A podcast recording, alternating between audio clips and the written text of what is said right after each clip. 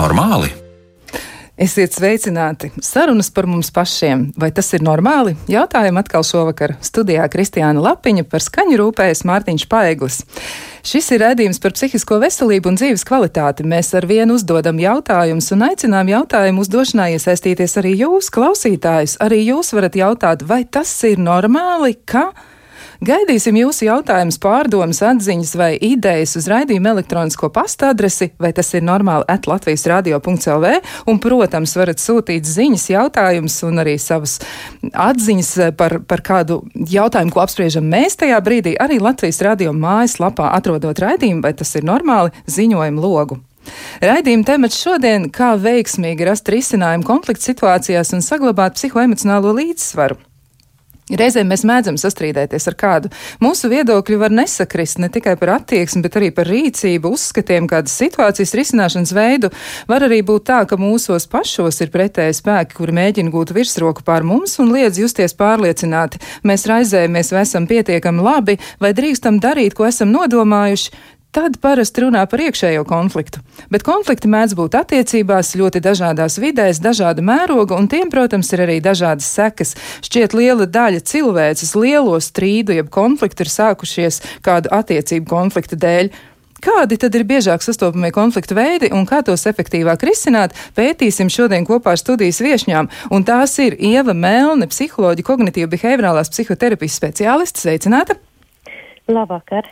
Un Māja Kārkliņa, ārste psihoterapeite. Sveicināti! Labvakar. Man gribētos uzdot jautājumu uzreiz, un varbūt sākšu ar jautājumu Maijai Kārkliņai, doktorai Kārkliņai. Kas tad īsti ir konflikts? Un varbūt mēs šodien varam fokusēties uz tiem konfliktiem, kas ir par cilvēku pašu runājot, tātad viņā, un arī konflikti, kas ir ar vistuvākajiem. Bet ja mēs šādi uz konfliktiem mēģināsim šodien raudzīties, tad kas varētu būt konflikts? Ko jūs teiktu, kas tas vispār ir? Konflikts uh, varētu domāt, ir tad, ja mūsu domas var nesaskanēt ar kādu citu cilvēku domām, ka mēs par to runājam un uh, sastrīdamies. Mēs nevaram atrast kopīgu viedokli, katrs pastāvam uz savu viedokli. Ja, tā tad nu, teikt, tādas nu, dažādas domas par vienu un to pašu lietu. Jā, ir tāds izteiciens, Jonatans Swifts, viens no slavenākajiem rakstniekiem, ir teicis, ka strīds ir viszemākās kvalitātes saruna. Vai tā varētu būt, ka strīds un konflikts ir zemes kvalitātes saruna, jo liekas jau, ka tomēr konflikti un strīdi reizēm arī palīdz kaut ko noskaidrot. Ko jūs teiktu? Nu, šī nesa, viedokļa nesakritība, vai tas, ir, vai tas ir dabiski, ka mums nesakrīt viedokļi par lietām? Mm, tas ir ļoti dabiski tieši tā, jo katram mums ir savi uzskati, savi priekšstati, mēs katrs nākam vairāk vai mazāk, bet no savas mikrovides. Un, uh, katram mums ir um, varbūt nedaudz atšķirīga izglītība, mums ir uh, dažādi cilvēki apkārt, uh, dažāda dzīves pieredze. Tā kā pilnīgi loģiski, ka mums arī priekšstati par dažādām lietām ir dažādi. Jūsu pieredze noteikti arī kaut ko saka par to, kādi ir biežākie konflikti, ar kuriem cilvēki varbūt vēršas pie jums, vai arī vispār, kas ir tas, par ko biežāk viņi runā. Kādi tie konflikti ir starp cilvēkiem vai cilvēkos pašos, ko jūs esat novērojis? Nu, es teiktu, ka cilvēki ļoti bieži griežās um, tieši ar problēmām par attiecībām. Tātad pamatā, manuprāt, ir attiecību konflikti. Uh, nu, tad, protams, jā, un otrām kārtām varētu būt konflikti pašos cilvēkos, ka tā tad ir. Pats cilvēks ir kaut kādā mērā nokļuvis konfliktu tādā situācijā, kad viņš nevar izšķirties starp kaut ko, vai nevar saprast kaut ko, vai nav pārliecināts par kaut ko. Bet visbiežāk tomēr ir attiecība, jā, kad ir attiecības ar citiem cilvēkiem pie tam. Um, tas var, var būt ne tikai uh, pretējā dzimumā pārstāvis, bet uh, tur var būt visdažādākie cilvēki. Varbūt uh, mammas un tēvi un bērni un, un māsas un brāļi un kaimiņi. Tā kā ļoti plašs tas spektrs. Jā, Ievai Melnei arī es gribu jautāt, psihologu praksē noteikti arī ir cilvēki, kur vēršas ar savu problēmu un mēģina saprast, ko tad iesākt. Un kas ir Ievai Melnei sakāms par konfliktiem, kuri tad ir biežāk sastopamie un vēl ko varētu piebilst pie tā, ko teica dr. Kārkliņa? Jā, attiecību konflikti ir ļoti bieži, bet kāda vēl? Jā, man tiešām jāpiekrīt, ka attiecību konflikti ir bieži. Un, nu, bieži vien tie ir starp vīriem un sievām, bieži vien tie ir starp pieaugušiem bērniem un vecākiem. Un man pašai nācies saskāries gan, gan, gan ar, ar abiem šiem variantiem. Un tajā pašā laikā ir arī gadījies, ka ir kaut kādas attiecības, kas ir vairāk vērstas vienkārši uz draudzību, starp draugiem, starp kolēģiem. Un arī tad sanāk mēģināt rast risinājumu, kā to risināt problēmu, vai, piemēram, kā pieiet pie šīs problēmas citādāk. Bet kopumā par konfliktiem runājot, man šķiet, ka mm, patiešām tā ir, ka uh, konflikts veidojas no tā, ka mums nesaskan domas, vērtības vai, piemēram, izpratne par kaut kādām atsevišķām lietām. Un tad attiecīgi var runāt par to, kā mēs arī uztveram viens otru, kādā situācijā mēs atrodamies, um, kādas tās mūsu emocionālās reakcijas uz doto momentu, um, cik viņas ir piemērotas, cik varbūt viņas nav piemērotas. Un tad var atkal runāt par to, kādā stāvoklī fiziskā vai psiholoģiskā atrodas pats cilvēks. Bet kā tas nākas, ka cilvēki tik bieži um, ir tādās strīdus attiecībās, jo tas nav nekas rēts, un, un gandrīz katrs cilvēks var teikt, ka viņš ar kādu kādreiz dzīvē ir sastrīdējies. Ieva, nu kā tas notiek, ka mēs tik mhm. ļoti, ļoti ātri to spējam izdarīt? Nu, pieredze uz šo momentu rāda par to, ka um, mums cilvēkiem ir tāda tendence vairāk tā pierādīt savu taisnību, uh, vai uzvarēt šajā strīdā vai konfliktā. Un mazāk mums izdodas ieklausīties un tiešām sadzirdēt otru cilvēku, ja konflikts ir starp diviem cilvēkiem. Un tad ir jāskatās vienkārši, kas tā ir par situāciju. Bet tajā pašā laikā man šķiet, ka tas tiešām ir saistīts ar to, ka mēs mēģinam varbūt tajā emociju uzplūdā vairāk atdot to enerģiju uz to, kas nav paticis, kas nav skaidrs, kas ir nodarīts pāri, un vairāk vērsties pret to otru cilvēku, nekā varbūt runāt no savas puses, kā es jūtos, ko es domāju, kā es šo situāciju saredzu un kas man īsti neapmierina šajā visā. Un līdz ar to, tad, manuprāt, tas, tas galvenais, kādēļ mēs ikdienā strīdamies, ir tas, ka mēs nu, tā īsti neiedziļināmies tajā, ko mums otrs saka. Un tad mums, protams, var ieslēgties arī šie aizsargu mehānismi, ka mēs pirmais, ko mēs darām, mēs uzbrukam atpakaļ, nevis mēģinam iedziļināties tajā pašā pamatā, kādēļ šis cilvēks man kaut ko ir pateicis vai kādēļ viņš pārmet. Jo, ja mēs spētu vairāk viens uz otru fokusēties tajā momentā, ko noteikti nav viegli izdarīt, tīpaši emociju uzplūdā, bet, ja mēs to spētu darīt, tad mums būtu vieglāk vienam otru sadzirdēt. Līdz ar to nu, es tomēr domāju, ka tas ir saistīts ar to, cik ļoti mēs esam gatavi būt šeit un tagad konkrētajā situācijā un tiešām risināt viņu. Jā, man jautājums būs Maijai Kārkliņai, bet ko jūs teiksiet, vai tā var būt, ka konflikta risināšana, nu, to, ka īsti neizdodas tikt ar to galā, vai arī tādas ļoti, ļoti asas reakcijas, cilvēki iemācās, iemācās savā ģimenē? Ja jā, tad kā tas notiek?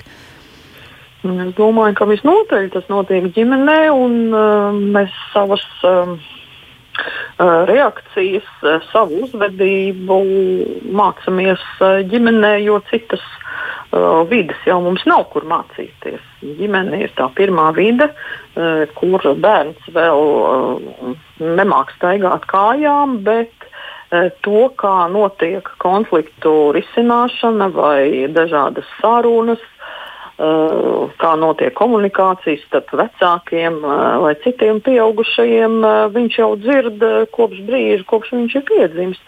Mm, tas ir visnotaļ kopija-paste princips.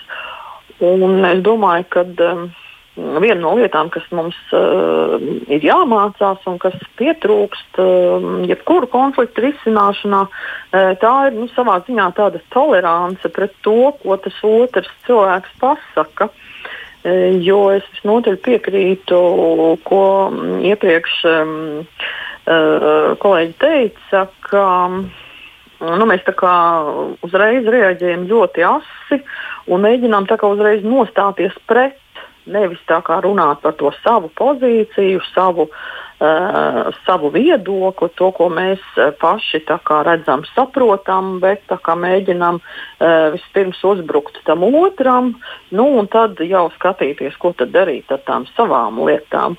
Uh, bet, jebkurā gadījumā, jā, protams, mūsu pirmā pieredze tā ir ģimene. Un, uh, nu, ja, piemēram, mēs uz ielas redzam, kā piemēram, vecāki savā starpā risina, risina kādu konfliktu, tad, eh, protams, kad eh, mēs ļoti drīz arī redzēsim, kā mazais bērns, kurš stāv blakus, konflikts risinās absolūti identiskā veidā. Bet par to toleranci pret otru, kā tas nākas, ka mēs nespējam to otru cilvēku uzklausīt, vai arī kaut kādu iemeslu dēļ to nevaram izdarīt? Varbūt tas ir saistīts vēl ar kaut ko, ja uzreiz cilvēku uzbrūk otram. Ar ko tas vēl būtu izskaidrojums, doktor Kārkliņ, kā jums šķiet? Es domāju, ka viena no lietām ir tā, ka mēs liela daļa cilvēku no mums uh, jūtās, nu, teiksim, tā paši par sevi. Uh, varbūt ne pārāk labi, varbūt ne pārāk augstās domās mēs esam par sevi. Bieži vien mēs jūtamies nobijušies, neesam par sevi pārliecināti, mūsu paštēls nav pietiekami labs. Un, uh, līdz ar to tā mūsu pirmā reakcija nu, ir tāda, ja, ka mēs tā kā aizstāvamies, jo mums ir bailes. Un, uh, nu, jā, mums ir bailes, tad mēs kaut kā uh, mēģinām saprast, ko šajā brīdī darīt. Labākais veids, kā aizstāvēties, ir uh, noteikti uzbrukums. Tā kā es domāju, ka nu, viena no lietām ir tā, ka mēs tiešām paši par sevi slikti jūtamies un neesam par sevi pārliecināti. Tas varētu tā būt. Izklausās diezgan ticami. Ieva, Ieva Melne, ko teiks par to, ka tas, jā, tā tad nedrošība, bailes, bet varbūt tur ir vēl kaut kas, varbūt tas ir arī par robežu noteikšanu. Kā robežas varētu saistīt ar konfliktu situācijām un spēju risināt konfliktus? Mm -hmm. Nu šeit es arī man ļoti gribās teikt, ka jā, ka robežas tas ir pašā pamatā, bet arī par robežām cilvēki nevienmēr izprot līdz galam, ko nozīmē robežas, uh, um, cik tālu es esmu gatavs iet šajā konfliktā vai strīdā, vai, piemēram, vai manas robežas netiek pārkāptas tajā momentā, kad um, oponents tagad man stāsta vai saka kaut kādas lietas par mani vai par to, ko es esmu izdarījis vai kā būtu bijis jādara. Un es domāju, ka robežas ir ārkārtīgi svarīga lieta. Un to mēs arī noteikti mācāmies kaut kādā veidā arī ģimenes ietveros, no ģimenes, kurā, no kuras mēs nākam. Un mēs jau tur gūstam to pirmo priekšstatu par to, kādā veidā, tieši tā kā kolēģi iepriekš teica, kādā veidā mēs risinām konflikta situācijas, bet mēs arī redzam to, cik tālu, piemēram, mūsu pašu vecāki um, aiziet šajos strīdos, vai, piemēram, kā viņi viņus risina. Un varbūt kāds no vecākiem tagad ņem un saka kaut kādas lietas, ko otrs vecāks pieņem, bet mums pašiem tas liekas, nu kā tā var būt. Tas taču nav pareizi, vai nu, varbūt ne gluži pareizi būtu īstais vārds, bet uh, tas nav īsti pieņemami.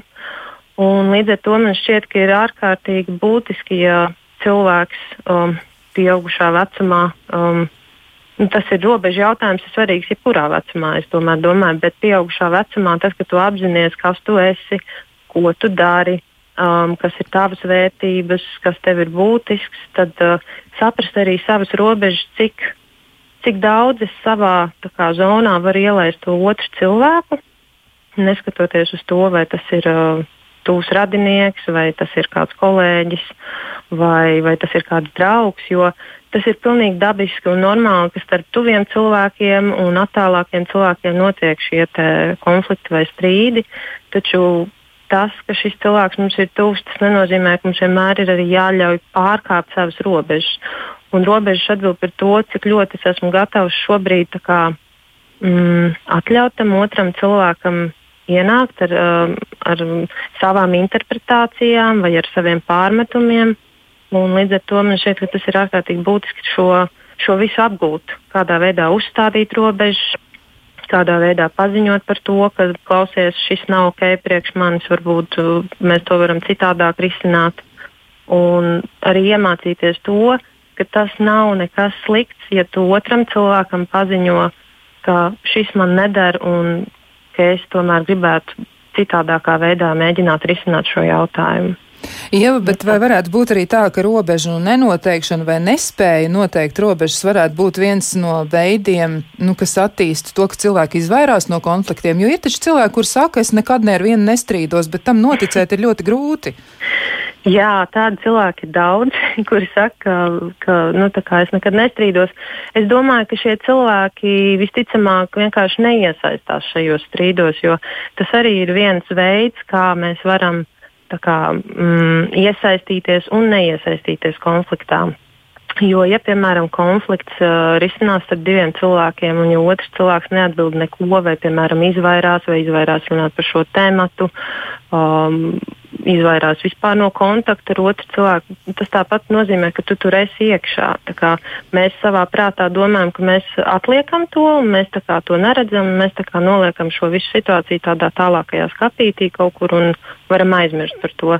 Taču patiesībā visas tās emocijas, kas tur notiek, pat tad, ja viens no cilvēkiem nereaģē, jeb izvairās, uh, viņas krājas Un tas tieši arī pastiprina šo konfliktu situāciju, jo, ja ir piemēram viens cilvēks, kurš vēlas risināt jautājumu, un ir viens, kurš vienkārši uzskata, ka nē, es negribu par šo runāt, tas ir pārāk sāpīgi, pārāk grūti, vai tas rada man dusmas vai trauksmi, tad uh, tās emocijas tur nepazūd. Līdz ar to starp šiem cilvēkiem rodas spriedze. Un, protams, uh, tas, ka cilvēkam nav šo robežu, uh, vai, piemēram, varbūt ne gluži, ka nav robežu, uh, bet tas, ka viņš par viņām nepaziņo vai ka viņš par to nenorāda, tad tas var kā, uzturēt visu šo konfliktu situāciju. Tas tā var būt. Tas var ieilgt, acīm redzot. Doktor Kārkliņ, man jautājums jums, bet ja konflikts ir ieildzis un kļuvis par tādu hronisku situāciju, vai tas var atstāt iespēju arī uz cilvēku, nu, psihoemocionālo stāvokli, varbūt uz veselību, arī vēl citas lietas varbūt var parādīties, kas liecina, ka konflikts eksistē, bet, eh, nu, kaut kas īsti tur nav kā vajag? Pilnīgi noteikti, jo emocijas, lai arī mēs viņus neparādām, viņas jau mūsos eksistē šākā tā. Un um, izvairīga uzvedība ir viena no aizsardzības uh, metodēm, kad mēs nu, neparādām uh, pārējiem, kā mēs jūtamies, bet uh, mūsos visas šīs emocijas ir dzīves, un, un, un uh, tur tikpat labi var būt dusmas, un bailes un vainas sajūta. Uh, un kauns un dažādas citas uh, sajūtas. Tā, kā, mm, tā, tā būtībā sanāk tāda, uh, kā nu, teiksim, tāda. Um, sevis, sevis graušana no, no iekšpuses, jo kaut kādā brīdī, tad, kad tas viss būs sakrājies un tad, kad to emociju būs par daudz, tad pilnīgi iespējams var parādīties vai nu kādas somatiskas saslimšanas pazīmes, vai arī var parādīties kādas psihiskas saslimšanas pazīmes. Tā kā uh, jebkurā gadījumā šis te, nu, emociju sacīt, apspiešana vai neizpaušana, tas kaut kādā brīdī parādīsies. Un, uh, diemžēl tas bieži vien parādās jau tādā nu, saslimšanas veidā. Tā kā labāk ir izpaust tās emocijas uh, laicīgi un, un, un izrunāt ar citiem, varbūt šīs problēmas, un uh, līdz ar to tā problēma būs daudz mazāka, un mēs varēsim um, ar tām lietām tikt galā. Un par tām pašām robežām runājot, arī um, nu, cik cilvēki ir piemēram bijuši cik viņam ir bijusi pieredze ar robežu spraušanu vispār, vai mēs spējam vispār nospraust robežas, vai mēs spējam no tā otra nu, paprasīt, lai viņš arī ievērotu šīs robežas. Tas, es domāju, arī tāds nu, pieredzes jautājums, jebkurā gadījumā. Bet, ja mēs, jā, ja mēs ar tām emocijām uh, dzīvojam un, un mēs viņus neizpaužam, vai mēs arī, piemēram, viens no konflikta risināšanas variantiem ir, piemēram, nerunāt, jā, kas ir tāds agresīvs arī uh, veids, bet emocijas jau pastāv šākā tā. Arī tad, ja mēs nerunājam, visdrīzāk mūsos ir vai nu dusmas vai aizvainojums. Izklausās pēc manipulācijas. Jā, tas varētu būt arī tas. Nu, jā, saruna uzņem apgrieziens. Arī klausītāji ir iesaistījušies, bet to, ko tad darīt ar konfliktu situācijām un kā tas tālāk var attīstīties, par to mēs runāsim tūliņ pēc īsa brīža.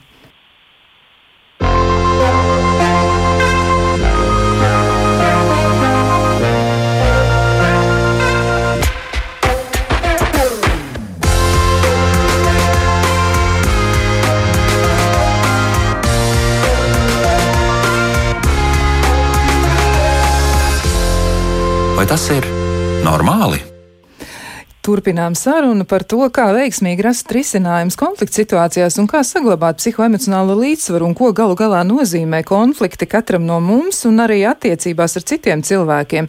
Bet vēl noteikti atgādinu, ka raidījuma laikā mēs atbildām uz jūsu jautājumiem un jūs varat tos iesūtīt e-pastā, vai tas ir normāli at Latvijas radio.lv. Varat izmantot arī ziņojumu logu Latvijas radio mājas lapā, kur ir iespējams ierakstīt savu jautājumu. Un vēl gribu atgādināt, mums ir arī podkāsti, jūs varat klausīties klausīties podkāstus ar šādu pašu nosaukumu, vai tas ir normāli. Varat tos atrast Latvijas sabiedrisko mēdīju mājaslapā. Podkāsti ir par visdažādākajiem tematiem, un arī jūs varat pieteikties podkāstam un gūt tādu iespēju aprunāties ar speciālistu par tieši jums nozīmīgu, svarīgu problēmu. Un, protams, jā, pieteikšanās ļoti vienkārši sūtiet uz e-pastu, vai tas ir normāli, at Latvijas radio.lv īsu savas problēmas izklāst, un mēs ar jums sazināsimies. Bet atgriežoties pie raidījuma temata, kā tad veiksmīgi rast risinājums konflikta situācijās un saglabāt psihoemocionālo līdzsvaru, mēs nu pat runājām par to, ka nerunāšana arī ir savā ziņā droši vien stratēģija konflikta risināšanai vai varbūt arī tieši otrādi nerisināšanai. Man jautājums doktorē Kārkuņai, nu kas tad ir tās nelabvēlīgākās stratēģijas jūsuprāt, kas arī varbūt noved pie nelabvēlīgām sekām tādā lielākā mērogā? Es domāju, ka visnelabvēlīgākās noteikti ir eh, gan tā pati nerunāšana, gan arī jebkādā ziņā savu emociju um, neizpaušana, nerunāšana par to. Um, Tātad nu, sevi, sevi noslēgšanās, tas varētu būt tas, kas varētu kaitēt nu, tam cilvēkam personīgi visvairāk. Un otra stratēģija, protams, ir tad, kad, nu, kad cilvēks klāji iet uz konfliktu un konfliktē. Nu, tad ir jautājums par to, kā ja viņš iesaistās konfliktā, vai arī ja viņš, piemēram, ir konflikta izraisītājs, pat varbūt um, kā viņš uh, jūtās uh, tajā situācijā. Vai viņš jūtās um, tā, uh, komfortabli, ka viņš ir šo konfliktu izraisījis, vai arī gluži otrādi viņš viņu izraisa, bet tajā pašā laikā viņš jūt, jūtās ļoti slikti. Un, um, viņš jūtās um, nu, vai nu, nezinu, sadusmots vai aizvainots um, vai kā citādi. Un, uh, viņš uh, teiksim, tā, ir diskomfortā no tā, ka viņš, ka viņš ir izraisījis šo konfliktu. Tātad, nu, kā viņš jūtas vienādi vai otrādi un kā viņš dara. Vai viņš izvairās, vai viņš gluži otrādi ir tas, kurš uzbrūk un, uh, un varbūt provocē to otru cilvēku uz šo konfliktu. Uh, Par provokāciju tas man jāpatur prātā. Man būs par to jautājums, bet es gribētu arī mm, teikt par klausītāju jautājumiem. Ir iesūtīts jautājums ar jauku novēlējumu, priecīgs lieldienas, un jautājums ir šāds. Mm, konflikti ir arī hierarhijas dibināšanas veids. Konflikts ir reizēm ne tikai par viedokli, bet arī par statusu un ko domā viesi. Varbūt Maija Kārkliņa varētu atbildēt, un tad Ieva Melna noteikti varēs ko piebilst par šo. Par statusu un hierarhiju. Jā. Ja? Nu, par to arī var daudz strīdēties. Protams, jautājums ir, kur un par ko un ar ko. tikpat labi var par hierarhiju cīnīties, piemēram, cilvēki bez konkrētas dzīves vietas. Un tikpat labi par hierarhiju var cīnīties, piemēram, vienas frakcijas saimnes deputāti. Tā kā tās situācijas būs savā ziņā līdzīgas, bet nu, es teiktu, ka um, kā viņi risinās šīs problēmas, varbūt viņi pat risinās līdzīgi šīs problēmas. Ja? uh, jebkurā gadījumā, piemēram, uh, medicīnā hierarhija ir pietiekami izteikta. Uh, un uh, pastāv kaut kādi noteikumi, uh, nerakstīti, um, kas uh, nosaka, nu, ko drīkst un ko nedrīkst, un ko vajag un ko nevajag darīt. Es pieņemu, ka arī citās profesijās uh, tā varētu būt visnotaļ. Es domāju, ka tas ir jā, nu, savā ziņā uh, tā ir tāda tiešām vide, kur tie konflikti var uh, nu, būt diezgan, diezgan asi. Par statusu runājot, jā, Ieva varbūt ir kas piebilstams par statusu un konfliktiem. Jā, um, runājot par statusu un konfliktiem un atrodoties kaut kādā darba vidē, piemēram, kur, kur, kur ir šie statusi un ir hierarhija, tad, uh, protams, jā, um, ir nerakstītie likumi, ir rakstītie likumi, ka, piemēram, ir konkrēti darbinieki, kuriem ir, teiksim, nu, jāizpilda konkrēti uzdevumi, ko sniedz konkrēts uh, vadītājs. Un tajā pašā laikā um, man šķiet, ja rodas konflikti tādā vidē, vai tas ir darbs, vai tas ir starp tiešām, kur ir hierarhija kaut kāda, tad man šķiet, uh, tāpat pieturoties pie šiem noteikumiem, pie hierarhijas, ir labi saglabāt cilvēcību. Un ar to es domāju, ka, mm, protams, ja cilvēks atrodas, piemēram, nu, piemēram, darba vidi, kur viņš ir padotājs un viņam ir vadītājs, kurš ieņem augstu statusu. Tam padotājiem ir jāizpilda visi tie uzdevumi, ko vadītājs saka, un sanāk kaut kāda konflikta situācija. Es tomēr uzskatu, ka ir ļoti svarīgi, ka notiek sarunas starp šiem diviem cilvēkiem, ka šī saruna notiek individuāli un tiek pārunāti jautājumi, kas ir noticis, vai ir kaut kādas grūtības sakarā ar šo uzdevumu pildīšanu, un kā piemēram tas pats darbinieks šajā visā vidē jūtas. Jo tas, ko es esmu sapratusi un arī dzirdējusi, ka iestādēs, kur ir šī hierarhija, tad uh, ļoti grūti iet ar šīm jūtām un emocijām. Jo visi ir iegājuši tādā ritmā, ka nu, ir darbs un viņš ir jāizpilda, un tur neko nevar darīt, vienalga, lai kā tā situācija būtu. Tā reizēm gadās, protams. Un tajā pašā laikā ir būtiski palikt uh, cilvēcīgam un mēģināt saprast, kas īsti tur notiek. Jo, ja mēs labāk sapratīsim viens otru, tajā skaitā sadzirdēsim viens otru, izpratīsim to, kādēļ, piemēram, man ir grūtības sakarā ar kaut ko, tad arī vadītājam būs iespēja labāk izprast šo cilvēku un iespējams kaut ko mainīt konkrētajā situācijā. Jo nevar arī izslēgt to, ka viens cilvēks ir noguris no darbiem vai no kaut kādām ģimenes situācijām vai no, vai no jebkā cita, un ka otrs noguris. Un vienkārši sanāca, ka vienā dienā šie divi cilvēki satikās. Un tajā pašā laikā nu, man gribas tomēr palikt pie tā, ka ir labi palikt uh, cilvēcīgam un mēģināt tomēr iedziļināties tajā situācijā abiem diviem. Tas izklausās ļoti jauki, bet tas noteikti nav viegli. Un atgriežoties pie attiecību konfliktiem, man gribētos jautāt, kā tad ir ar konfliktu provocēšanu un attiecībām? Vai varētu būt arī tā, ka, nu, pieminot arī klausītāju viedokli un varas pieminēšanu attiecībā uz uh, konfliktiem, vai varētu tā būt, ka attiecībās parādās provocēti konflikti un par ko tas varētu liecināt? Un šoreiz varbūt sāk Ieva Melni un pēc tam mhm. savukārt piebilst Dr. Kārkliņa. Nu, provokācija pats par sevi nozīmē, ka tas ir ar mērķi. Tā tad ir kaut kāds iemesls, kādēļ es šobrīd mēģinu ar cilvēku runāt un iespējams viņu provocēt uz šo konfliktu situāciju. Un šīs provokācijas bieži vien nu, tiek skaidrotas vairāk kā nu, tāds slēgta tipa pieeja, lai es varētu no cilvēka saņemt šīs emocijas vai saņemt kaut kādas atbildes. Citreiz cilvēki vienkārši nemāk mierīgā veidā uzrunāt konkrēto problēmu un pārunāt to ar otru cilvēku. Līdz ar to provokācija mums palīdz mazliet cilvēku izsist no sliedēm, un tad iespējams viņš paliek ievainojamāks. Līdz ar to tad, uh, nu, principā, man ir jāpiekrīt, ka savu veidu manipulācija tur arī notiek. Jā, tad ir jautājums, kāds ir mērķis šai provokācijai. Vai es vēlos saņemt emocijas, vai es vēlos saņemt kaut kādas atbildes konkrētiem jautājumiem, bet šis noteikti nebūtu veselīgākais veids, um, nu, kā risināt kaut kādus jautājumus. Jā, doktor Kārkliņ, ko jūs teiksiet?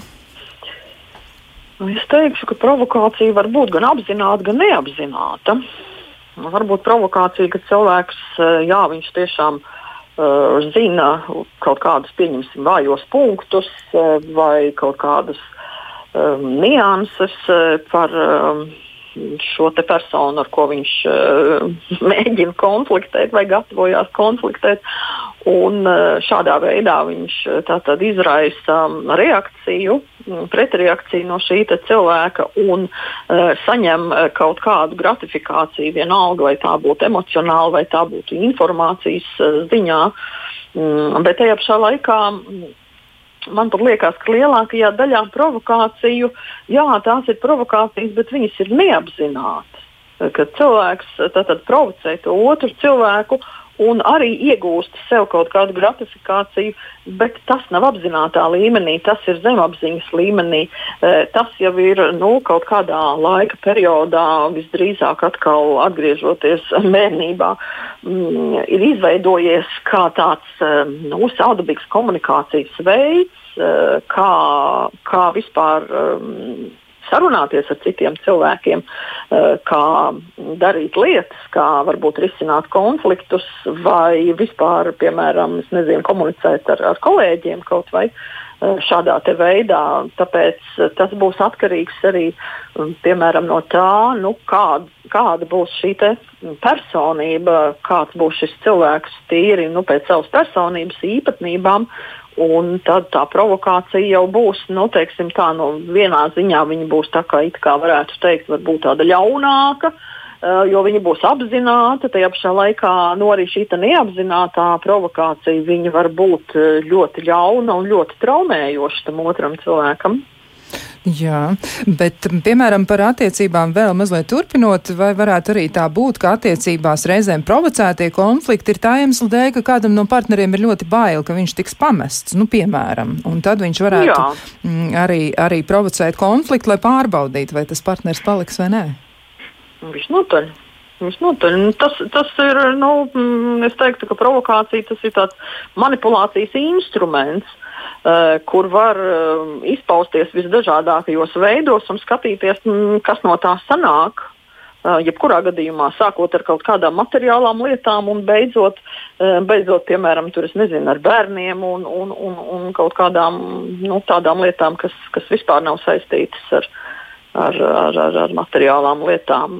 Jo, ja mēs saprotam, ka mēs varam ietekmēt to otru cilvēku, Eh, tad, protams, mēs varam izpausties pēc pilnas programmas un to otru cilvēku novest eh, nu, tiešām līdz, līdz eh, sabrukumam. Par tiem konfliktiem izklausās ļoti grūti. Tiešām ir mm, jā, tādas ļoti, ļoti sarežģītas lietas. Un arī klausītāji mums raksta un izskatās, ka arī viņiem nav viegli risināt kaut ko savā dzīvē. Un viena no klausītājiem raksta tā, mani lielie bērni ir nesamierināmā konfliktā ar mani tagadējo vīru par jaunākā bērna pārāk stingrajām audzināšanas metodēm, eh, kuru dēļ grib piespiest mani no vīra šķirties. Kur lai meklē palīdzību karojošo pušu samierināšanai, jo nespēja zaudēt ne bērnus, ne vīru? Nu, varbūt varbūt Ieva, Ieva Melne mēģina mm -hmm. konstruēt atbildi un noteikti doktora Kārkliņa arī pēc tam varēs piebilst kaut ko pie šīs mm -hmm. situācijas. Nu, man šķiet, ka ģimenes sistēmā, kad veidojas konflikti, tas noteikti nav vienkārši. Tas prasa ļoti daudz cilvēku iesaisti, ļoti daudz cilvēku viedokļus un, un, un sapratni par to, kas īsti notiek. Taču, at, nu, attiecoties tieši domājot par šo jautājumu, kas izskanēja, tad, uh, manuprāt, tas būtiskākais, teiksim, tādā vienkāršā līmenī būtu sākotnēji droši vien arī uh, runāt savā starpā, mēģināt saprast, kas īsti notiek un kas ir tā grūtība, kas notiek. Un nepieciešamības kārtā vērsties pie speciālistiem, kas noteikti varētu būt psihologi, psihoterapeiti, kas varētu palīdzēt risināt šo ģimenes situāciju. Jā. Tā būtu laikam man atbilde šobrīd. Labi, un doktor Kārkliņa, ko teiks? Nu, informācijas ir ārkārtīgi, ārkārtīgi maz, bet nu, ko tur varētu domāt? Um, viens no momentiem varētu būt par to, ka tā tad um, kāda ir tā, um, varbūt kāds ir tas informācijas daudzums, kāds uh, tiek varbūt dots šiem lielajiem bērniem, eh, lai skaidrotu, kāpēc nu, tam mazajam bērnam ir cita šī situācija. Jo es pieņemu, ka tur varētu būt tie lielie bērni, kas salīdzina um, sevi un savu bērnību, iespējams, ar no šī mazā bērna bērnību. Tas varētu būt viens no, viens no momentiem, ko mēs absolūti nezinām. Bieži vien uh, problēmas radās tieši tāpēc, ka kaut kas nav līdz galam izrunāts, vai kaut kas nav līdz galam izstāstīts, vai nav līdz galam saprasts. Un, protams, uh, jebkurā gadījumā, ja šī situācija uh, nav atrisināma, tad, protams, ir jāgriežas pie speciālistiem, tā kā kolēģi nu pat teica.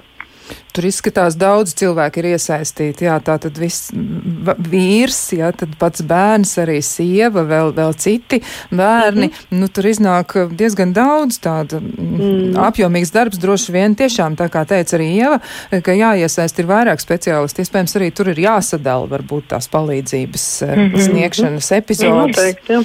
jā, lai tas būtu, lai tas būtu tiešām iespējami labāk. Bet vēl es gribēju jautāt arī par emocijām. Tomēr mm, emocijas un konflikts varētu būt arī, ka konfliktu ir ļoti grūti izturēt tieši dēļ emocijām, ko tas izraisa. Un kas ir tās jūsu biežākie novērojumi par to, kādas emocijas tad cilvēki nu, ar grūtībām spēj pieņemt, vai ar kurām grūti viņiem ir tikt galā. Varbūt tāpēc viņi izvairās no konfliktiem vai reizēm gadiem ilgi tos konfliktus nespēja atrisināt.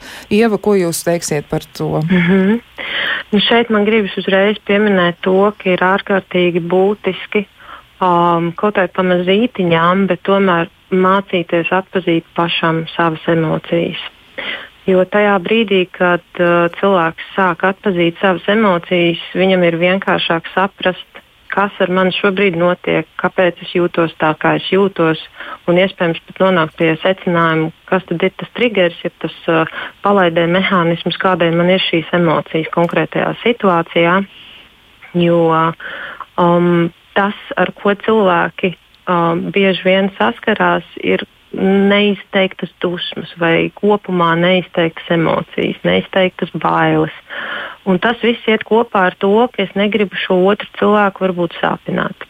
Vai es negribu, lai šis cilvēks par mani slikti kaut ko padomā. Vai arī es vienkārši vēlos dzīvot mierā un mīļā miera labad ir, ir labāk vienkārši neteikt neko un pieņemt to situāciju, kāda ir, pat tad, ja es varbūt palieku nelaimīgs.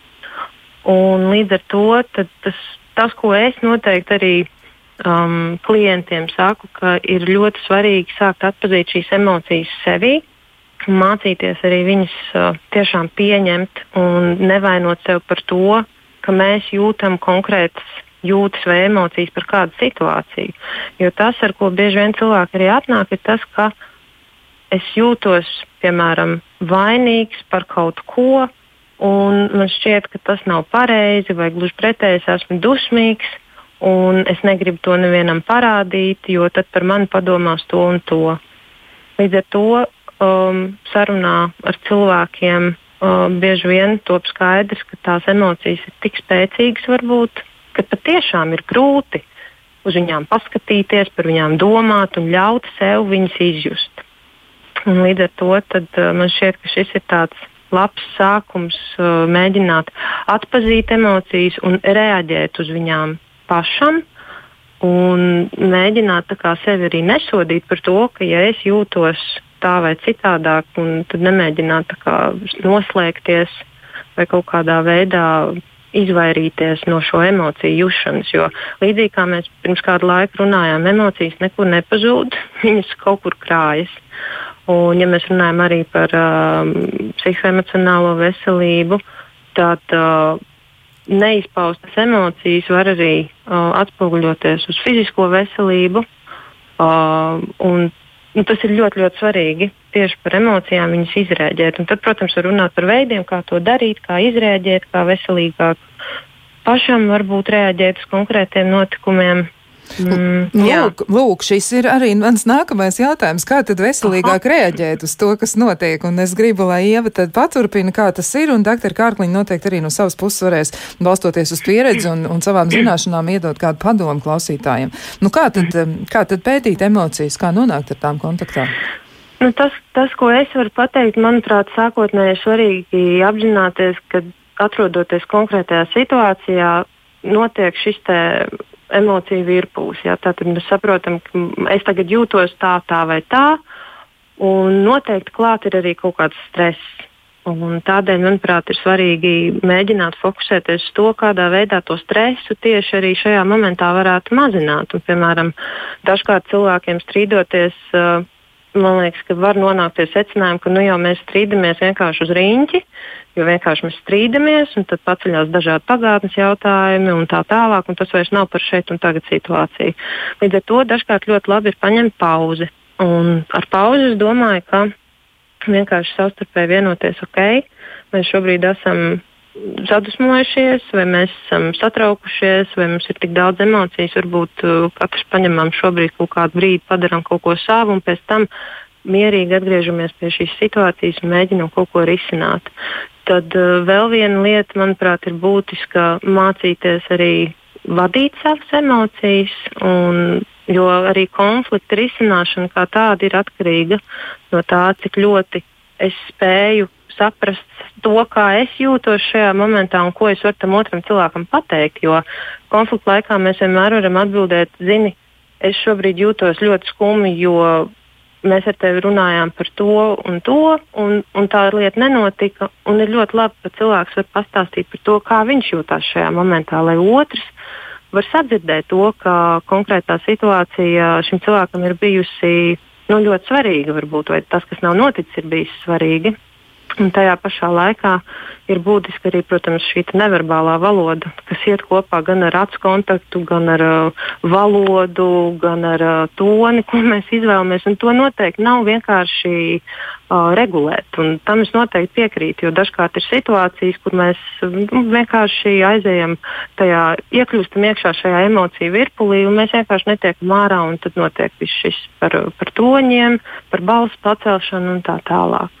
Un vēl, manuprāt, ir labi reizēm, nu, ja vien tas ir iespējams, un ja vien cilvēki ir ar šādām personībām, kurās, kur attiecībās virmo arī humors, tad dažkārt arī tas humors ir ļoti palīdzošs. Nevis tādā veidā, ka mēs tagad pasmējamies par šo situāciju, bet ka mēs kaut kādā brīdī viens otrā atpazīstam, ka, nu, hei, klausies, mēs tagad atkal ejam uz rīņķi. Un, un ka cilvēki sāk atpazīt viens otrā to, ka, nu, jā, ka mēs varbūt šobrīd kaut kā, kaut kā muļķīgi rīkojamies, un, un varbūt mēs varam, es nezinu, šobrīd pievērst uzmanību kaut kam citam un te pašā laikā humors tiešām arī atbrīvo cilvēku.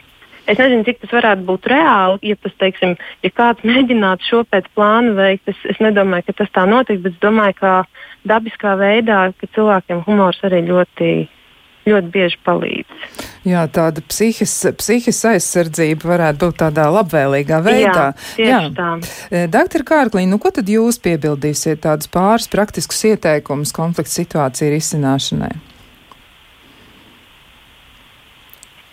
Ko jūs, te, ko jūs teiktu? Jā, mums saruna virzās uz noslēgumu. Nu, tiešām tādi mm -hmm. pāris ieteikumi klausītājiem, kā konflikta situācijās reaģēt iespējami labāk, lai, lai būtu tāds nu, labs rezultāts.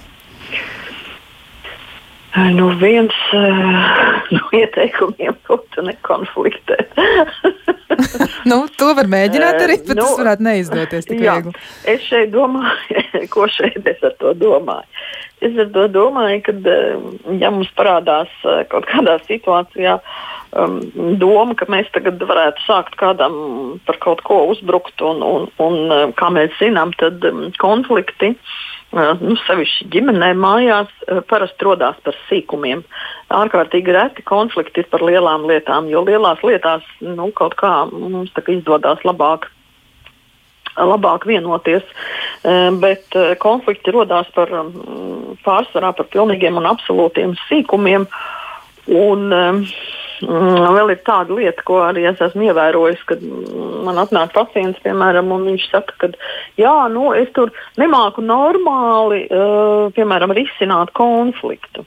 Nu, tad vispār ir jautājums, kas ir normāli? Jo katram no mums jau tas normāli nu, ir kaut kas savs pirmkārt. Otrkārt, kas vispār ir normāli. Un tas ir tāds ļoti nu, patiesībā stiepjams un slidens jēdziens, kas ir normāli. Tas, kas vienam ir normāli, tas otram ir absolūti nenormāli. Kā, nu, es teiktu, ka tā norma katram ir absolūti sava. Ja?